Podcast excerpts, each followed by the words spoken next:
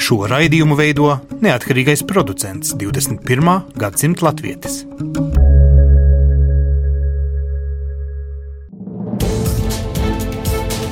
Septiņas dienas Eiropā piedāvā Eiropas radiotīkls Eironet.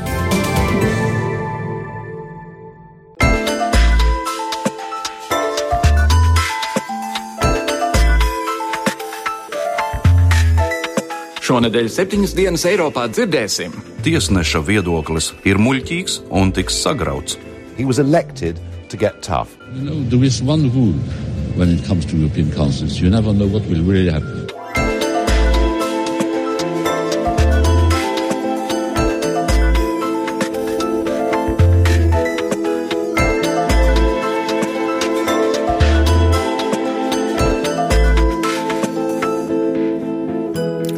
Labdien, godājumie klausītāji! Latvijas radio studijā Kārlis Streips esiet sveicināti jaunākajās septiņas dienas Eiropā. Rietumu pasaules pēckara miera perioda garants Transatlantiskā alianse šķiet sācis ieplaisāt.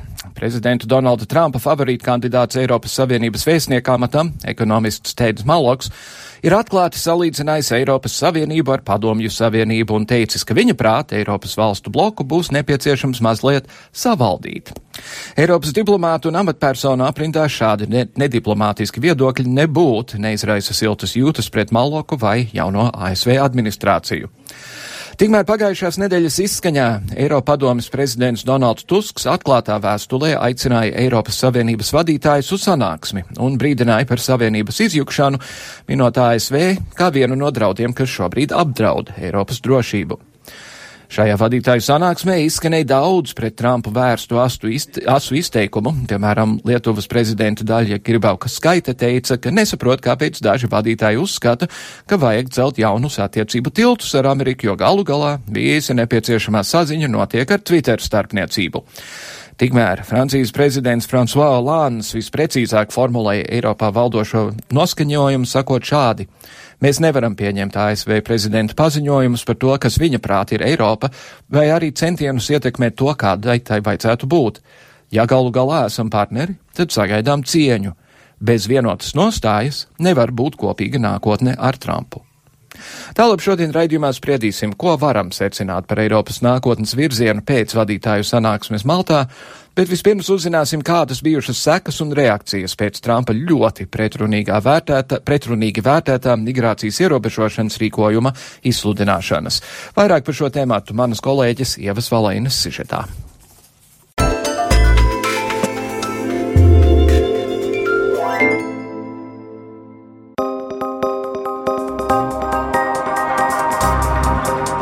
Divdesmit janvārī Trumps izdeva rīkojumu, kas paredzēja turpmākās 90 dienas aizliegt valstī ieceļot septiņu arābu valstu pilsoņiem, kā arī uz 120 dienām apturēt bēgļu uzņemšanu.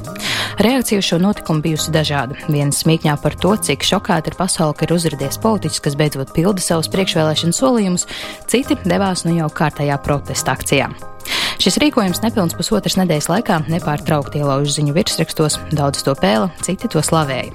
Kamēr rīkojumu apstrādāja tiesās, Trumpa pārstāvji kameru priekšā centās attaisnot un paskaidrot Trumpa rīkojumu.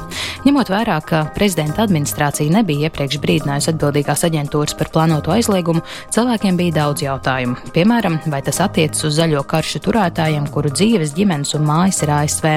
Uz šo jautājumu Baltānam pārstāvis Rēns Prībus intervijā atbildēja ar nē, tas neatiecas, bet jā, tas attiecas, ja viņi nāk no konkrētajām valstīm. Vien pāris dienas pēc rīkojuma izsludināšanas Baltais nams zināja teikt, ka tas tomēr neatiecas uz zaļo karšu turētājiem. Tikmēr prezidenta padomniece Kelijāna Konveja turpināja pasaulē pasniegt tā sauktos alternatīvos faktus un mazliet pārcentās intervijā TV kanālam MCNBC. He is calling for extreme vetting from seven countries that President Obama first identified. All he did was take his lead. He didn't even add to the list. Šajā gadījumā Trumps pieprasa ekstrēmas drošības pārbaudas cilvēkiem no septiņām valstīm, kuras prezidents Obama iepriekš bija identificējis kā augsta riska valstis. Viņš pat nepievienoja nevienu valsti šim sarakstam. Turklāt tas ir īslaicīgi. Es varu derēt, ka cilvēkiem tā ir pilnīgi jauna informācija, bet Obama uz sešiem mēnešiem pārtrauc irākiešu bēgļu programmu pēc tam, kad divi radikalizēti radikalizējušies irākieši, izrādījās Bowling Green slaktiņa rīkotāji.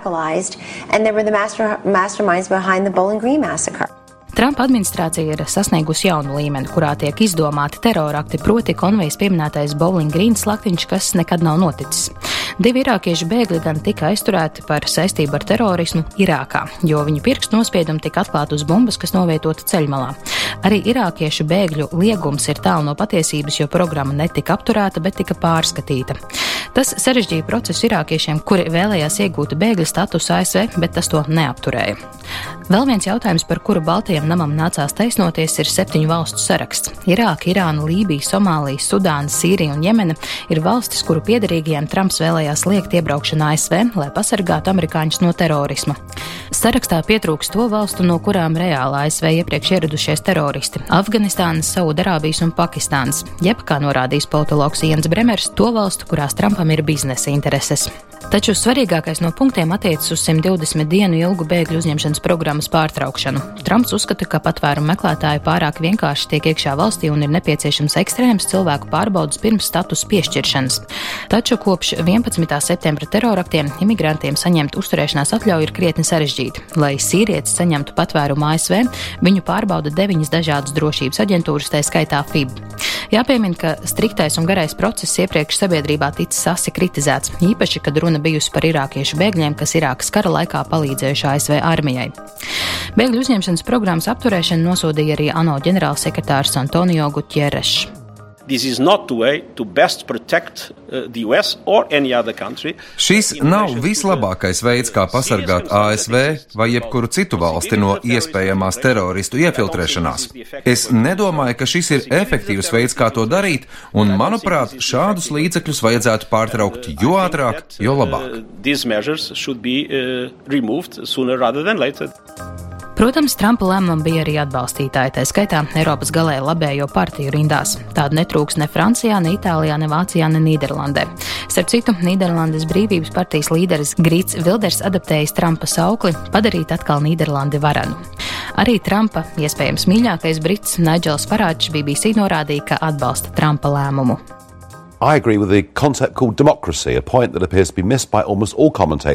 Es piekrītu konceptam, ko sauc par demokrātiju. Tas, ko liela daļa komentētāji aizmirst, ir, ka viņu ievēlēja, lai viņš būtu skarbs.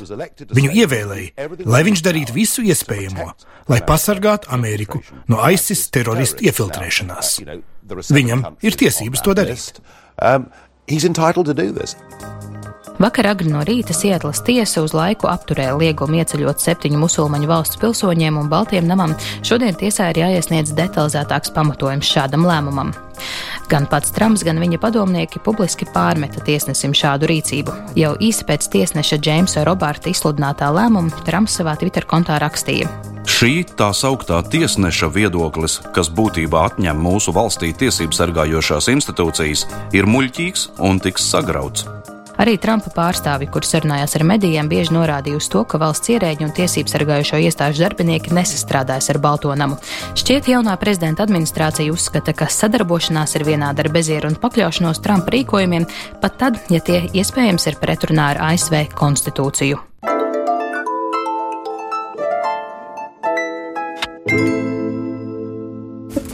Paldies, Ievai! Piektdien visi Eiropas Savienība valstu līderi pulcējās Maltā, lai spriestu par operatīviem pasākumiem, kas mazinātu migrantu plūsmu, it īpaši no Lībijas, un arī lai turpinātu kopīgo spriešanu par Eiropas Savienības lomu un nākotni mainīgajos ģeopolitiskajos apstākļos. Tomēr lielākoties laiks tika pavadīts apspriežot prezidenta Trumpa pēdējā laika izteikumus un izdarbi, izdarības. Šodien noskaidrosim, ko tad valetā valstu vadītāji īsti izsprieduši par Eiropas nākotni, par migrācijas jautājumiem un par turpmākajām Eiropas un ASV attiecībām. Studijā šodien ārlietu ministrijas parlamentārā sekretāra Zanta Kalniņa Lukaševica. Labdien! Labdien! Un kolēģis eh, Del Delfu žurnālists Filips Lastovskis. Labdien! Labdien jums abiem! Um, sāksim, uh, Lukaševics kundze, ar jums, kā jūs uztvērāt to, kas notika? Sāks, sāksim to, vai jūs pati bijāt Maltā? Nē, nē, Nebija. bija premjeras ar savu ārlietu padomu. Ar savu svītu, jā. Uh, kā, kā, kāds jums ir iespējas par to, kas tur tika spriests un ko tas nozīmē Latvijai? Um, nu, no tāda garāka laika nogriežņa, jā, galvenais aspekts bija ar domām par uh, Romas līgumu 60 gadi un gatavošanās uh, tātad Romas uh, sanāksmē šajā pavasarī. Līdz ar to tas ir jautājums par to, kāda ir Eiropas Savienība šodien un kādu mēs viņu esam gatavi veidot rītdienai un parītdienai. Cik ļoti nostalģiski domāt par Romas līgumu, kur neviens vairs neatcerās. Jā, nu, tas ir jautājums tieši par Eiropas Savienības arī nākotni. Mm -hmm. Ņemot vērā, ka uh, ir dažādas tendences, ir, ir mums noteikti tāda Lielbritānijas izstāšanās, ir partijas, kas gatavoties šī gada vēlēšanās citām Eiropas Savienības valstīs, arī saka, ka gribētu redzēt uh, izstāšanos no Eiropas Savienības. Mm -hmm. Uh, ir uh, problēmas uh, gan migrācijas jomā, gan ekonomikas jomā. Mēs redzam arī populismu tādu tendenci, kas lielā mērā rezonē ar jautājumu par Eiropas Savienības būšanu vai nebūšanu. Tādēļ valstu vadītāji, protams, grib atrast veidu, kā ne tikai saglabāt Eiropas Savienību, bet kā viņu stiprināt. Mm -hmm. Un tādēļ ir jāspēj dot konkrēts atbildes uz aktuālākajām problēmām - gan nodarbinātība, gan ekonomikas nepietiekama izaugsme, gan arī migrācija. Tā skaitā viens no tēmām, kam tieši Maltā pieņēma konkrēts lēmums. Mm -hmm. Filip? Jā, es laikam Maltas samitu no malas redzu tādās divās daļās. Viena varētu būt tā praktiskā daļa, kas ir konvencionālā daļa, kur mēs runājam par migrāciju, kur tad mēs pieņemam arī šo konkrēto vienu deklarāciju, kurām ir punktu plāns, rīcības plāns, drīzāk viņi varētu nosaukt, kā tad mēs a, strādājam ar, ar nu, migr migrantu šo ceļošanas kaut kādu plūsmas apturēšanu vai, vai ats, šo apstākļu uzlabošanu viņiem arī. Un tad tā otra puse, ko jau Lukšēvits kundze teica, uh, Trumps, Eiropas Savienības vienotība, tā ir vairāk tāda, tā, tāda tēma, ko mēs, kur iesākt neko uz ātri nevar, īstermiņā nevar, tas tāds ilgtermiņā, ilgtermiņā apstākļi, ar kuriem mēs saskaramies un kuriem mēs ir, mēs runājam, bet iesākt, ko īsti nezinām. Mm -hmm. Tā ir tādas divas daļas, un, protams, turklāt nāk Donalds Trumps un šīs diskusijas un bailes vai arī dusmas, kas smijās līderu vidū un izteikumos, ko mēs skaidri nolasījām. Jā, jā, tas ir interesanti. Pirms raidījuma mēs drusku runājām par tēmām, kuras diezgan diezgan ātri pazūd no ziņu virsrakstiem. Man kaut kā liekas, ka tie, šis bēgļu jautājums ir viens no tiem. Ja, ja pirms gada visi par to cepās Latvijā, tad tagad kaut kā vai nu tas līgums ar Turciju, vai tas, ka izrādās, ka pie mums nekas briesmīgs nav notīcis, arī tā tas bēgļu. Bet tajā pašā laikā pagājušajā nedēļā bija tā diena, kad no vidusjūras izcēla tūkstoti bēgļi, kas bija lielākais skaits jebkad, kas ir izcelts no jūras. Tas ir fakts. Nu, mēs, teiksim, Latvijā, ja mēs paskatāmies, bija ļoti liels uztraukums par tiem bēgļiem, ko pārvietos pie mums. Šobrīd ir gads apritējis, kopš pirmā ģimene ir pārcēlusies. Kopumā 207 cilvēki ir ieradušies Latvijā. Tā ģimene joprojām šeit dzīvo vai pārcēlās uz Vāciju? Šķiet, ka viņi aizbrauca un atbrauca, un, teiksim, viņiem arī pēc status saņemšanas ir tiesības brīvi pārvietoties Eiropas Savienības ietveros. Bet ik pa brīdim jāierodās šeit pieregistrēties no jauna. Uh, ja viņi ir, ir gatavi dzīvot bez šiem pabalstiem, tad tas arī nav obligāti. Aha, okay. Un uh, es domāju, ka cilvēki redz, ka no tā, ka ir uh, 200 uh, bēgļi uh, patvērumu meklētāji pārvietoti, nav notikuši dramatiskas izmaiņas sabiedrībā. Līdz ar to arī tās bailes varbūt ir mazinājušās. Protams, ir arī nu, pieņemti konkrēti nākamie lēmumi. Šis te vienošanās ar Turciju nozīmē, ka Eiropas Savienībā mazāk ieplūst bēgļu, arī Maltā pieņemtie tikko lēmumi par sadarbību ar Lībiju nozīmēs apstādināt šo plūsmu pa vidusjūras ceļu. Un mēs redzam, ka jau šajās brīvdienās Lībijas pašu krasta apsardze, apsardze apstādināja laivu ar 400 migrantiem, kas bija ceļā uz Eiropas Savienību. Un tas tiek skaidrots, ka viņi jau momentā ir reaģējuši Uh, uz uh, mūsu valstu vadītāju pieņemtie lēmumu nedēļas nogalē. Uh, Bet vai valstu vadītāji zina, ar ko runāt Lībijā? Jo, cik es saprotu, tur ir divas atsevišķas it kā valdības. Nu, ir šī starptautiski atzītā Nacionālas vienotības uh, valdība, ar, ar ko arī notiek uh, kontaktēšanās, uh, kam arī tiek sniegta palīdzība, arī tiks trenēti šie robežsargu krasta apsardze, palīdzēs iegādāties viņiem atbilstošu arī ekipējumu, tiešām, lai cilvēki nedotos mazās laiviņās vidusjūrā, pirmkārt, lai viņi tur neslīgtu, otrkārt arī, lai samazinātu plūsmu uz Eiropas Savienību. Mm. Jā. Uh, Filip, tu esi uh, starptautisko ziņu, laikam, redaktors Delfos. Žurnālists. Žurnālists, jā. Kā ir mainījies uzsvars attiecībā uz šo, cik, cik lielā mērā Delfu auditoriju vispār interesē? Eiropas Savienība, vadītāju tikšanās, bēgļu jautājums? Mm. Nu, Eiropas Savienības politikas jautājumi kā tādi, nu, ne tikai Latvijas, Latvijas mēdī vēsturē, bet riet, visi, nu, Eiropas vēsturē ir bijuši ārkārtīgi nepopulāri. Un tad tur var runāt, vai tas ir, apgre, vai tas ir apels, tāpēc, ka žurnālists neraksta un, un cilvēki nelasa, vai cilvēki nelasa, tāpēc, ka žurnālists neraksta, tur var diskutēt. Bet uh, runājot konkrēti, piemēram, par migrācijas jautājumiem, ja mēs runājam, tad, uh, protams, ka pagājušais gads, aizpagājušais gads bija ar tādiem kā uzplaiksnījumiem, ka cilvēku interesi bija ārkārtīgi liela. Tad tur tas dalījās arī divās daļās, kas notiek starptautiskajā vidē, šīs uh, bēgļu laivas, un kas savukārt notiek Latvijā, ko mēs ņemsim, neņemsim, un tā interesi svārstījās starp abiem. Pirmā norima, ja mēs tā varētu teikt, šīs starptautiskais aspekts, un nu, mēs tomēr vienmēr esam lokā, lokālo interesējamies vairāk, nu, labi vai slikti, mēs to darām, un uh, tajā brīdī, kad, kā jau arī Lukševits kundze minēja, kad uh, mēs redzējām, ka nu, šeit nav, nenotiek kaut kāda izvarošana, kaušanos vai kaut kāda veida nu, La Latvijas valsts pazemošana kaut kādos veidos, tad nu, tiem labējiem spēkiem, kur konkrēti izmantoja šo argumentu, aptrūkās vienkārši, ko, ko visu laiku mm -hmm. teikt un mālt. Runājot par Eiropas Savienības, cilvēku interesi par Eiropas Savienības jautājumiem, viņveidīgi. Ļoti bieži ir attiecīgs, piemēram, kādiem izteikumiem. Ja mēs atceramies Nīderlandes premjera, piemēram, izteikumu par pagājušajā samitā, ja nemaldos, tas notika vai arī pēc par, ka, nu, visiem imigrantiem Nīderlandē būs ļoti jārespektē Tātad, nu, Nīderlandes kultūras tradīcijas. Tā ziņa, ja mēs apskatāmies sociālo tīklu, piemēram, da, da, šērus, ja, un laikus, viņi bija viena no vispār Latvijas publiskajā telpā tajā nedēļā populārākajām ziņām. Jā. Tā reizēm ar tādiem var, bet ja mēs runājam, ka, nu, kā, kāds ir Lībijas plāns, piemēram, nu, kā mēs palīdzēsim ar, ar ekipējumu, kā mēs palīdzēsim ar, ar laivu, piemēram, drošības apstādināšanu, kā mēs viņu krasta apsardz trenēsim, ļoti sarežģīti plašu auditoriju uzrunāt. Taču tie aizvien, piemēram, Delfa gadījumā aizvien ir tūkstošiem cilvēku, kas to dara, vienkārši mums varbūt auditorija ir, vai, vai līdz ar to cilvēki lasa, bet, protams, tas nebūs tik populārs ziņas kā iekšpolitika. Mm -hmm. Jā, starp citu, pilnīgi blakus Jā. tēmats. Es zinu, ka reklāmas vajadzībām portāli skaita klikšķus. Vai, mm -hmm. vai tiek arī mērīts, cik ilgu laiku cilvēks pavada lasot attiecīgo tekstu? Nu, ja godīgi, es, es tajā mārketinga daļā neatstāju iedzinājis okay, iekšā, es zinu. Tie... Okay. Zanda, konkrēta lieta Maltā, protams, bija, ko darīt ar nabaga Terēzi Meiju, kur tagad klīst kā tāds, tāds vientuļais holandietis pa, pa Eiropas Savienības gaiteņiem, un cik es saprotu, tur bija paredzēts tikties ar Angelu Merkeli, un tad it kā tika atcelts, un tad viņas abas divas pastaigājās dārzā un parunāja viena ar otru, bet tomēr oficiālā daļā viņai neļāva piedalīties. Um, kā, kā jums izskatās pat labāk Lielbritānijas nākotne uh, kont kontekstā ar mūsu interesēm un ar, ar Eiropas interesēm? Um, tur ir tās divas puses, vai ne? Tieši tā, ka katra valsts ir ieinteresēta, vismaz Latvija noteikti turpināt ciešu sadarbību ar Lielbritāniju, it īpaši ekonomikas un ārpolitikas un drošības jautājumos. Un tad ir šis kopējais Eiropas Savienības uzstādījums, ka nav uh, atsevišķas sarunas, ka visas 27 valstis tad kopīgi runā par Lielbritānijas izstāšanās nosacījumiem. Un tādēļ dažreiz ir šīs te duālā situācija. No Latvijas puses mēs, piemēram, ļoti labprāt redzētu arī Meiskundzi uh, vizītē Latvijā. Uh, lai diskutētu par ekonomikas sadarbību, lai diskutētu par mūsu valsts piedarīgo turpmāko tātad statusu Lielbritānijā, arī par sadarbību tiešām ir tīpaši ārpolitikā un drošībā.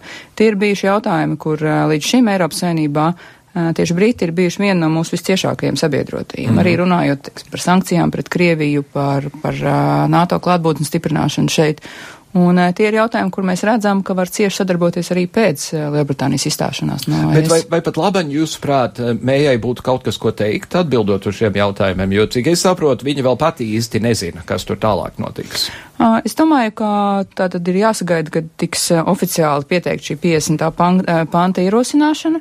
Un tajā brīdī jau arī daudz lietas kļūs skaidrākas, kad Lielbritānija pat arī jau oficiāli de, definēs tieši, ko viņi grib. Līdz ar to ir sagaidām diezgan strauja šī situācijas attīstības, domāju, tuvākajā pusgadā. Mm -hmm. Tavuprāt, Eiropa un Lielbritānija var sarunāt šķiršanos bez asins liešanas un asarām? Nezinu.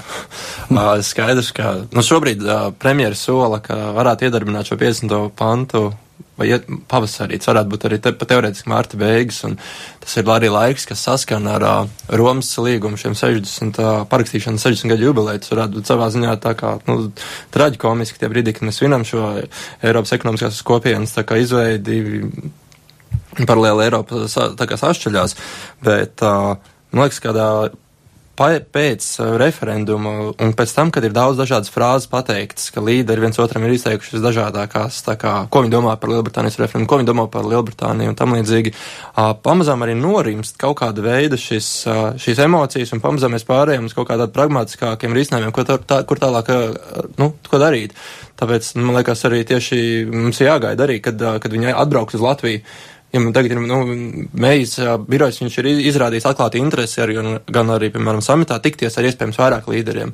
Un šobrīd ļoti bieži, piemēram, samitos ir tā, ka viņi paliek izolācijā kaut kādos x, x brīžos, bet šobrīd Izskat, nu, tas, kā izskatās no malas, ka tas notiek lēnām, tāds pragmatisks process, kā tad valsts ar viņu individuāli šobrīd pārunā šīs lietas. Mm. Ir arī, protams, tad no Eiropas Savienības padomas kaut kādas kopējās pozīcijas, bet, uh, nu, nu, šobrīd izskatās, ka primāri ir individuāli ar valstīm runājās. Un, nu, asins izliešana šobrīd neizskatās nekāda, ka varētu arī notikt. Mēs esam pieņēmuši faktu, vairs nav ilūzija, nu, gandrīz vairs nav ilūzija, ka būs atteikšanās no šī 50. panta, nu, vienkārši dzīvojam tālāk. Nu, jā, arī šai realitātei, mm. tomēr es, es gribētu izcelt, ka tiek skaidri skaidri pieturēs eh, pie principa, ka nav sarunu pirms sarunām, respektīvi šobrīd nenotiek divpusējās eh, sarunas starp eh, kādu no Eiropas dalību valstīm un mm -hmm. Mēju un Lielbritāniju, un otrkārt par šiem izstāšanās noteikumiem tiešām ir kopīga ES pozīcija. Un tas ir svarīgi arī mū, no mūsu viedokļa, arī no Eiropas Savienības nākotnes viedokļa, ka nesadalīties par reizinātājiem mm. un tā ļoti separāti šīs sarunas vedot. Bet ir jautājumi, par kuriem ir svarīgi, teiksim, tad vienoties par turpmāko divpusējo sadarbību, kas ir atsevišķi pragmatiski jautājumi un kas nav pretrunā ar šo kopīgo ES pozīciju un kopīgām ES sarunām par izstāšanās procesu. Jā, mm. bet, bet tajā pašā laikā visām pārējām 27 dalību valstīm nonāk pie kopsaucēja attiecībā uz šo jautājumu, mm. ņemot vērā tu, it īpaši to, ka, piemēram, Ungārijā un Polijā pat labi ir diezgan kukulu valdības, un, un ir Nīderlandē varbūt būs kukulu valdība, un Dievs pasārgi Francijā varētu būt kukulu valdība. Es, man ir grūti iedomāties, ka 27 dalību valsts varētu nākt pie kopsaucēja, kurš būtībā Lielbritānijai saka, ok, turpināsim tirgoties, kaut ko mēs esam mainījuši, bet uz priekšu. Nu, ja godīgi, nu, es saprotu, ko Lukševits kundze arī saka ar šo, ka mums ir vajadzīga vienota Eiropas Savienības politika, ka jābū, jārunā kopīgi, taču līdzīgi kā pēc tam, kad Verhofs tāds gijis Eiropa parlamenta pārstāvis, kurš tad atbild par pārunām ar, ar Lielbritāniju, nu, ka viņš izteica šo, ka nu, nebūs nekāda backdoor saruna, mēs runāsim tie, runāsim tikai pēc tam. Savā ziņā tas šķiet arī naivi, jo nu, reāla politika paredz arī to, ka mēs kaut kādas konkrētas limitus un līnijas mēs uh, novelkam arī pirms kaut kādu pārunu. Pirms mēs sēžamies pie galda, mēs aptuveni saprotam, ko mēs gribam, vai ko mēs dabūsim, vai ko mēs nedabūsim. Protams, mēs publiskajā vidē to nevaram darīt tā skaļi, iespējams teikt, ja, nu, kā valdība pārstāvja, taču iztēloties, ka šādu sarunu vai kaut kādu procesu nenotiek pirms tam, tā, tā ļoti grūti ir. Es domāju, arī Latvija jau ir uh, skaidri de, definējuši savus dažus punktus. Nu, piemēram, ka mums ir ļoti svarīgi mūsu valsts piedarīgo turpmākais status Lielbritānijā kas šobrīd tiek saukts par tātad darbspēka brīvu kustību, kas ir mhm. viens no četriem aspektiem vienotajā tirgū. Un piedodiet par šiem terminiem, mm. tas ir tāds, kā Eiropas Savienības valoda nav vienkārši. Nu, jā. un mēs esam teikuši, ka mēs neesam gatavi, teiksim, ka Lielbritānija saglabā tiesības brīvi tirgoties ar pārējām dalību valstīm, bet ierobežot šo brīvo darba spēku kustību. Un tas ir viens ļoti svarīgs aspekts, kas ir definēts. Un tas ir piemērs, ka valstis pasaka savas tos kritiskos punktus, to pasaka arī ES kopīgajos formātos, un tādējādi tas kļūst par tādiem uh, lielajiem atskaits punktiem. Mm -hmm. uh, sākot pēdējo lielo tēmu, par, kurām, par kuru šodien mēs varam runāt, es uzdošu šādu jautājumu. Vai, vai Prezidentam Vējonim vajadzētu būt jājūt, jājūt, būt jājūt apvainojums, ka prezidents Trumps viņam nav piezvanījis kaut vai, lai pateiktu, ka tā ir sliktākā saruna, kāda viņam jebkad ir bijusi un nomestu telefonu, kā viņš to darīja ar Austrālijas premjerministru. Šajās brīvdienās nāca ziņas, ka savukārt prezidents Trumps pie, maijā piedalīsies NATO samitā un, mm -hmm. un arī būs Eiropā, Itālijā uz G7 samitu. Šī, tas nozīmē, ka mūsu prezidents tad satiks prezidentu Trumpu maijā NATO samita ietveros. Un, Vai vismaz atradīsies vienās telpās? Jā, tikties jā. tas nav garantēti laikam. Uh, nu, tā ir, ir, ir kopīga diskusija, pa, apaļo galdu, kopīga doma apmaiņa par svarīgākajiem jautājumiem. Mm -hmm. es domāju, tas ir ļoti laba ziņa, kad jau ir pēc sarunas ar NATO ģenerālsekretāru apstiprināta šajā pavasarī šī te NATO samita sanākšana. ir paredzēts, kā visticamāk tas varētu notikt Briselē. Un tā tad arī būs iespēja jau at, tieši satikties un kontaktēties. Mm -hmm. Kā nekā vakar ieradās 225 amerikāņu soldāti ar savām bruņu mašīnām, un vispār lietas notiek par, par spīti tam. Uh, lietas notiek, protams, arī mēs ļoti strādājam, veidojot kontakts ar jauno administrāciju, tiksim, visos līmeņos, gan diplomātu līmeņos, gan arī uh, jau pēc vēlēšanām uh, Vašingtonā bija mūsu parlamentāriešu delegācija, kur tikās tātad ar senatoriem. Šis darbs ar Amerikas administrāciju nevienu brīdi nav pārtraucies, un tēt mēs redzam, ka ir ļoti svarīgi izveidot tiešos kontaktus ar, ar, ar tiem cilvēkiem, kas ir ja, jaunie cilvēki šajā administrācijā. Nu, arī ārlietu ministrs, piemēram, piedalīsies Minhenes drošības konferencē kas pavisam drīz notiks, un tur arī ir paredzēta vairāk augstā rangā ASV administrācijas pārstāvju klātbūtne. Tas ir viens no fórumiem, kur, es domāju, daudzi Eiropas kolēģi satiks savus jaunos ASV kolēģus. Reiz Trumps viņus būs iecēlis, ko viņš vēl līdz šai dienai nu, tur ir tūkstošiem darba vietas. Jā, no aizsardzības sekretārs ir apstiprināts jā. un tā tālāk. Jā. Uh, vai tev ir kaut kāda kontakta Amerikas vēstniecībā? Ko viņi runā pat labāk? Nē, es neesmu. Uh, viņi droši vien arī neteiktu. Jā, bet tā neoficiāli avot nav arī informācija, ko viņi runā vai kā. Nu, ir skaidrs, ka mūsu vēstnieks paliek.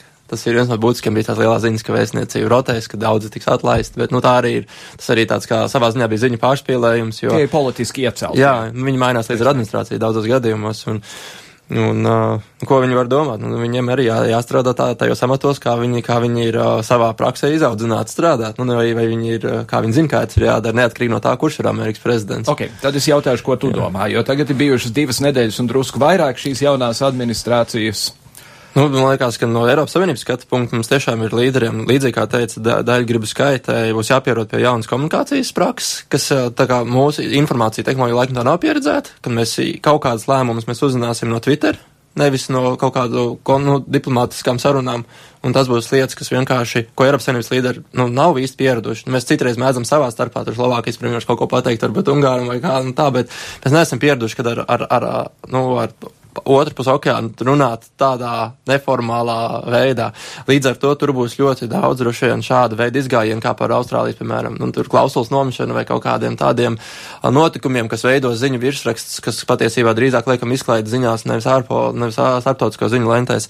Bet, ja viņi notiks līdz šim, jo viņš ir, nu, izskatās, ka Trumps ir apņēmies izpildīt tiešām savus tos solījumus, kuri bija pirms tam, pirms ievēlēšanas šķītā gandrīz vai nu neiespējami, vai nu, nu pat ja viņi ievēlēs, viņš to nedarīs. Viņš būs nomierināts nomierināsies, tad viņš vairs uh, paliks tāds pragmātiskāks. Bet nē, nu, viņš pild šobrīd solījumu līmenī saviem, uh, saviem daudziem, daudziem miljoniem vēlētāju. Viņš pild tos solījumus, un lai cik tas tā arī ironiski kā nešķist, tajā ziņā, nu, tas ir kompliments viņam. Nu, tā sa saturiski mēs varam diskutēt, kas ir labi, kas nav slikti, bet viņš pieturās pie solījumiem, pa, pa punktam iet. Protams, ir, jā, varbūt ir tā, ka ir kaut kādi spilgtākie šie, šie solījumi, ko viņš ir devis, piemēram, par šo imigrāciju. Un uh, tu izpildi kaut kāds atskaites punkts, un pēc tam nu, tad, kad tie atskaites punkti svarīgākie ir noteikti, varbūt nu, jācer, ka viņš paliek pragmātiskāks. Jo, nu, viņš ir izpildījis solījumu un pēc tam var turpināt, piemēram, mierīgāk to, to administrācijas darbu. To arī nevar viens cilvēks četrus gadus, es domāju, pēc kārtas tādā Ziemeļkorejas līdera stilā tikai bliest, bliest, bliest, bliest lietas, kas būs sensacionāls visu laiku. Viņas vienkārši, viņš, manuprāt, nu, šobrīd viņš ir tāds, tāds, nu, gribētu teikt, nezinu, nu, nu, ļoti aktīvs to savu solījumu pildītājs, bet viņš vienā brīdī tā, tā ir laba, tā ir laba metafora jā. tam, kāds, viņ, kāds viņš ir. Hillary vēl nav iemest cietumā. Jā, nu, solīja jau tā kā nebūs, laikam, tās apsūdzības no, no drošības dienestiem pēc Trumpa ievēlēšanas, ka viņš liks viņu mierā. Nu. Tas, Bet, Guļošos nesīt, tas nemāku. Lock her up jā. bija, bija brēciens visas, visas priekšvēlēšana kampaņas. Nu, kas palīdzēja arī tikt uh, par prezidentu, iespējams, jā. jā. Ko, ko par šīm divām nedēļām var teikt Latvijas Republikas ārlietu ministrijas parlamentārā sekretāre? Protams, ir bijis ļoti intensīvas nedēļas no, no ziņu viedokļa, kam mēs esam sekojuši līdzi, un tieši tā mēs redzam, ka solījumi tiek pildīti. Nu, piemēram, kaut vai paskatoties uz uh, tirdzniecības politiku, šī te viens no pirmajiem izpildītiem solījumiem izstāšanās no šī te. Uh, uh, TPP līguma, jā, tā tad. Un uh, savukārt joprojām uh, pats prezidents Trumps neko nav teicis par brīvās tirdzniecības līgumu ar uh, Eiropas Savienību, mm -hmm.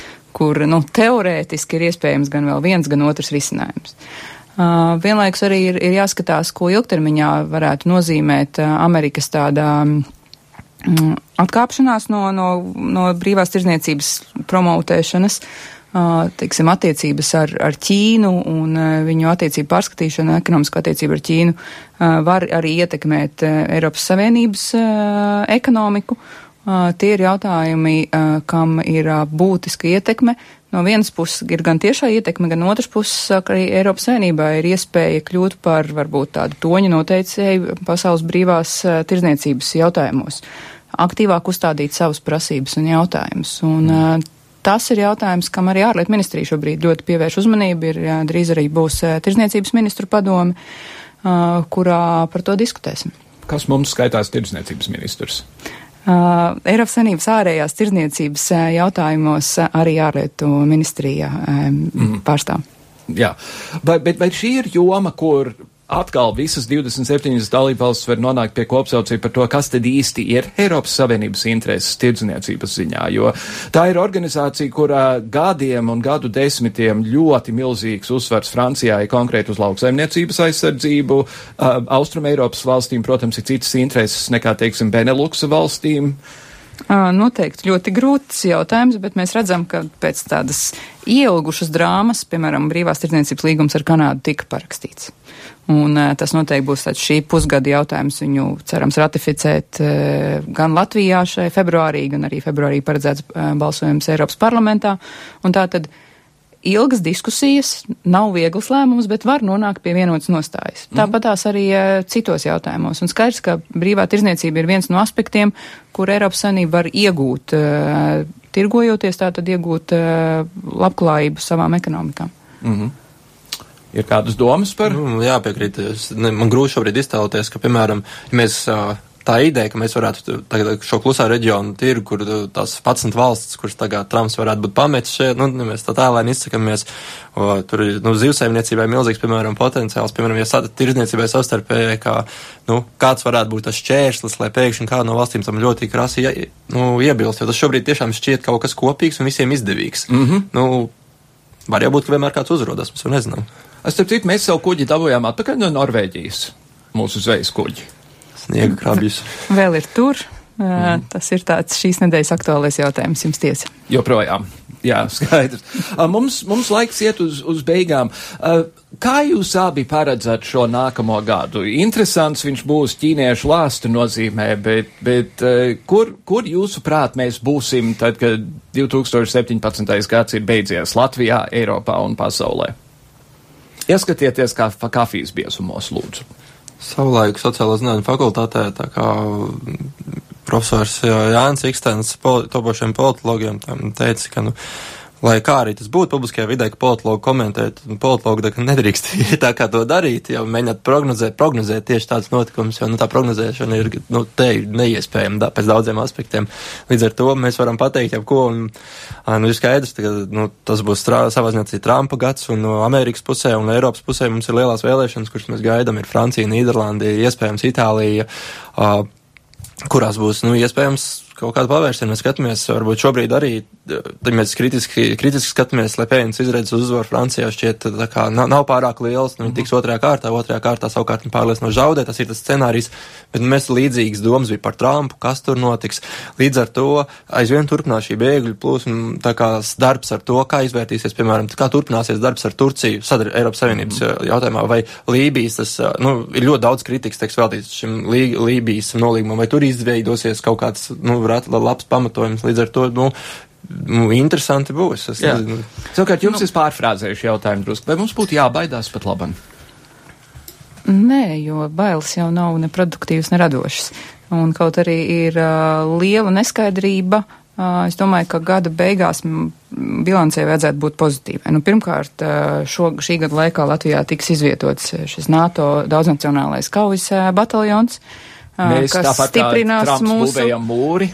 kas stiprinās mūsu drošību un kam ir liela nozīme arī tādai psiholoģiskās drošības došanai mūsu iedzīvotājiem, ka šeit ir NATO karavīri, kas ir gatavi par mums stāvēt un krist. Un turklāt mēs viņam esam iemācījušies, ko darīt, ja pilnā ekipējumā iekrīt sasulušā dīķī.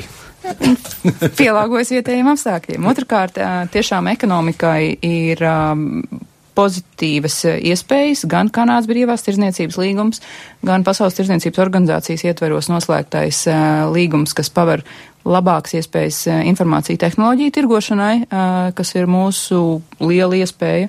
Tāpat tās arī turpinot sarunas, piemēram, ar Japānu par brīvās tirzniecības līgumu no Eiropas Savienības puses un, un ejot iekšā arī uh, Latvijas uzņēmējiem jaunajos strauji augošajos tirgos Ķīnu, kur mums ir lielisks iespējas pēc pagājušā gada Ķīnas samita šeit Latvijā.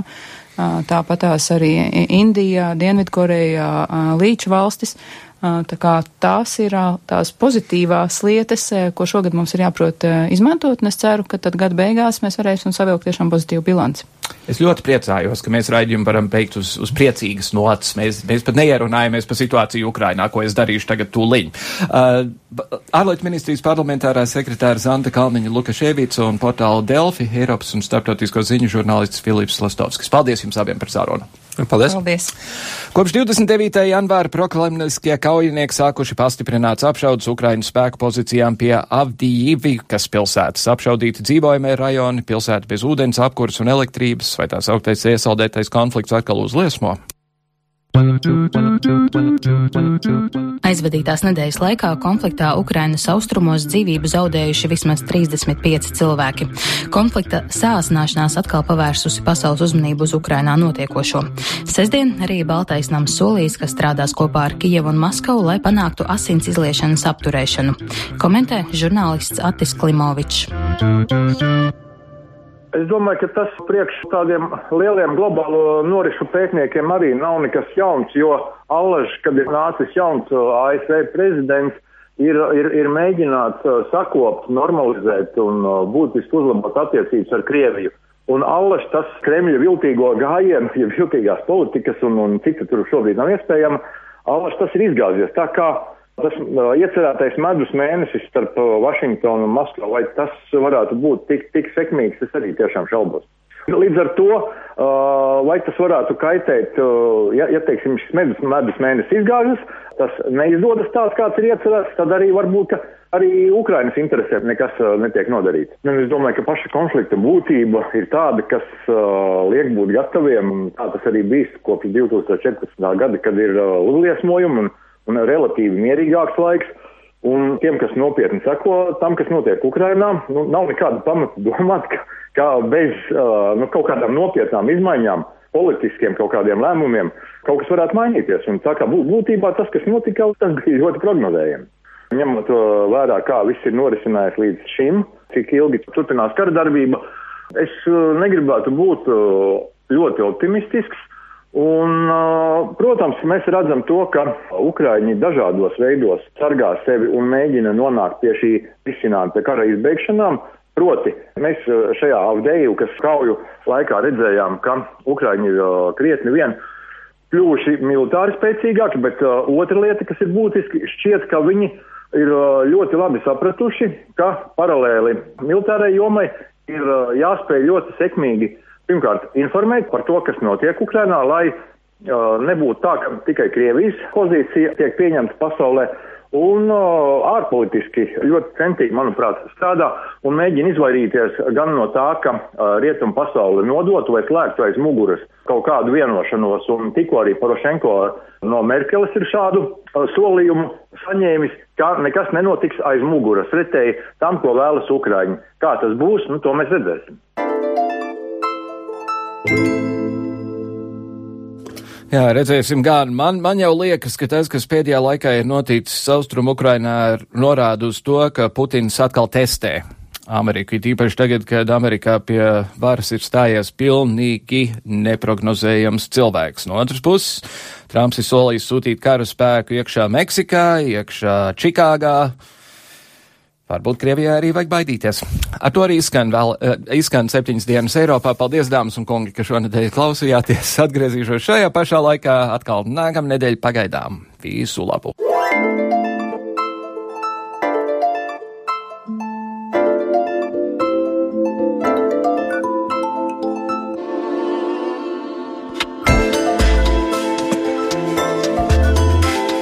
Raidījumu veido Kārlis Streips Ieva Valēna un Jānis Krops. Raidījuma producents Lukas Rozītis.